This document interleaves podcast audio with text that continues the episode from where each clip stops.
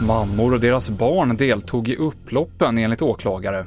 Inget åtal om sexbrott i Paradise Hotel. Och sjuksköterskor kan få 100 000 för att senare lägga semestern. Det är rubrikerna i TV4-nyheterna. Ja, utredningen om våldtäkt och sexuellt ofredande i realityserien Paradise Hotel läggs ner.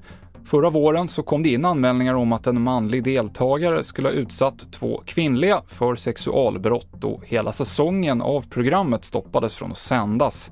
Men nu läggs alltså utredningen ner. Enligt åklagaren så räcker inte bevisningen för att bevisa brott. Barn i sexårsåldern och mammor deltog i upploppen i Skäggetorp i Linköping under påskhelgen.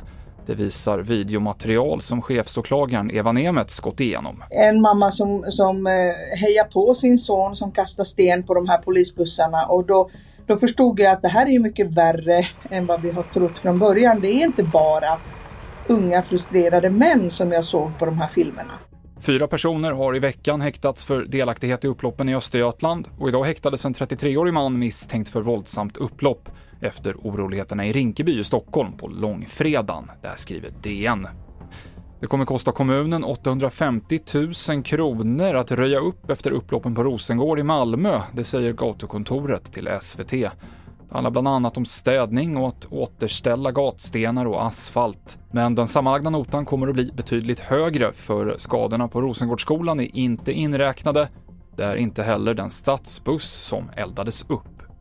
Och sjuksköterskor i Region Västernorrland kan få 100 000 kronor för att flytta på semestern.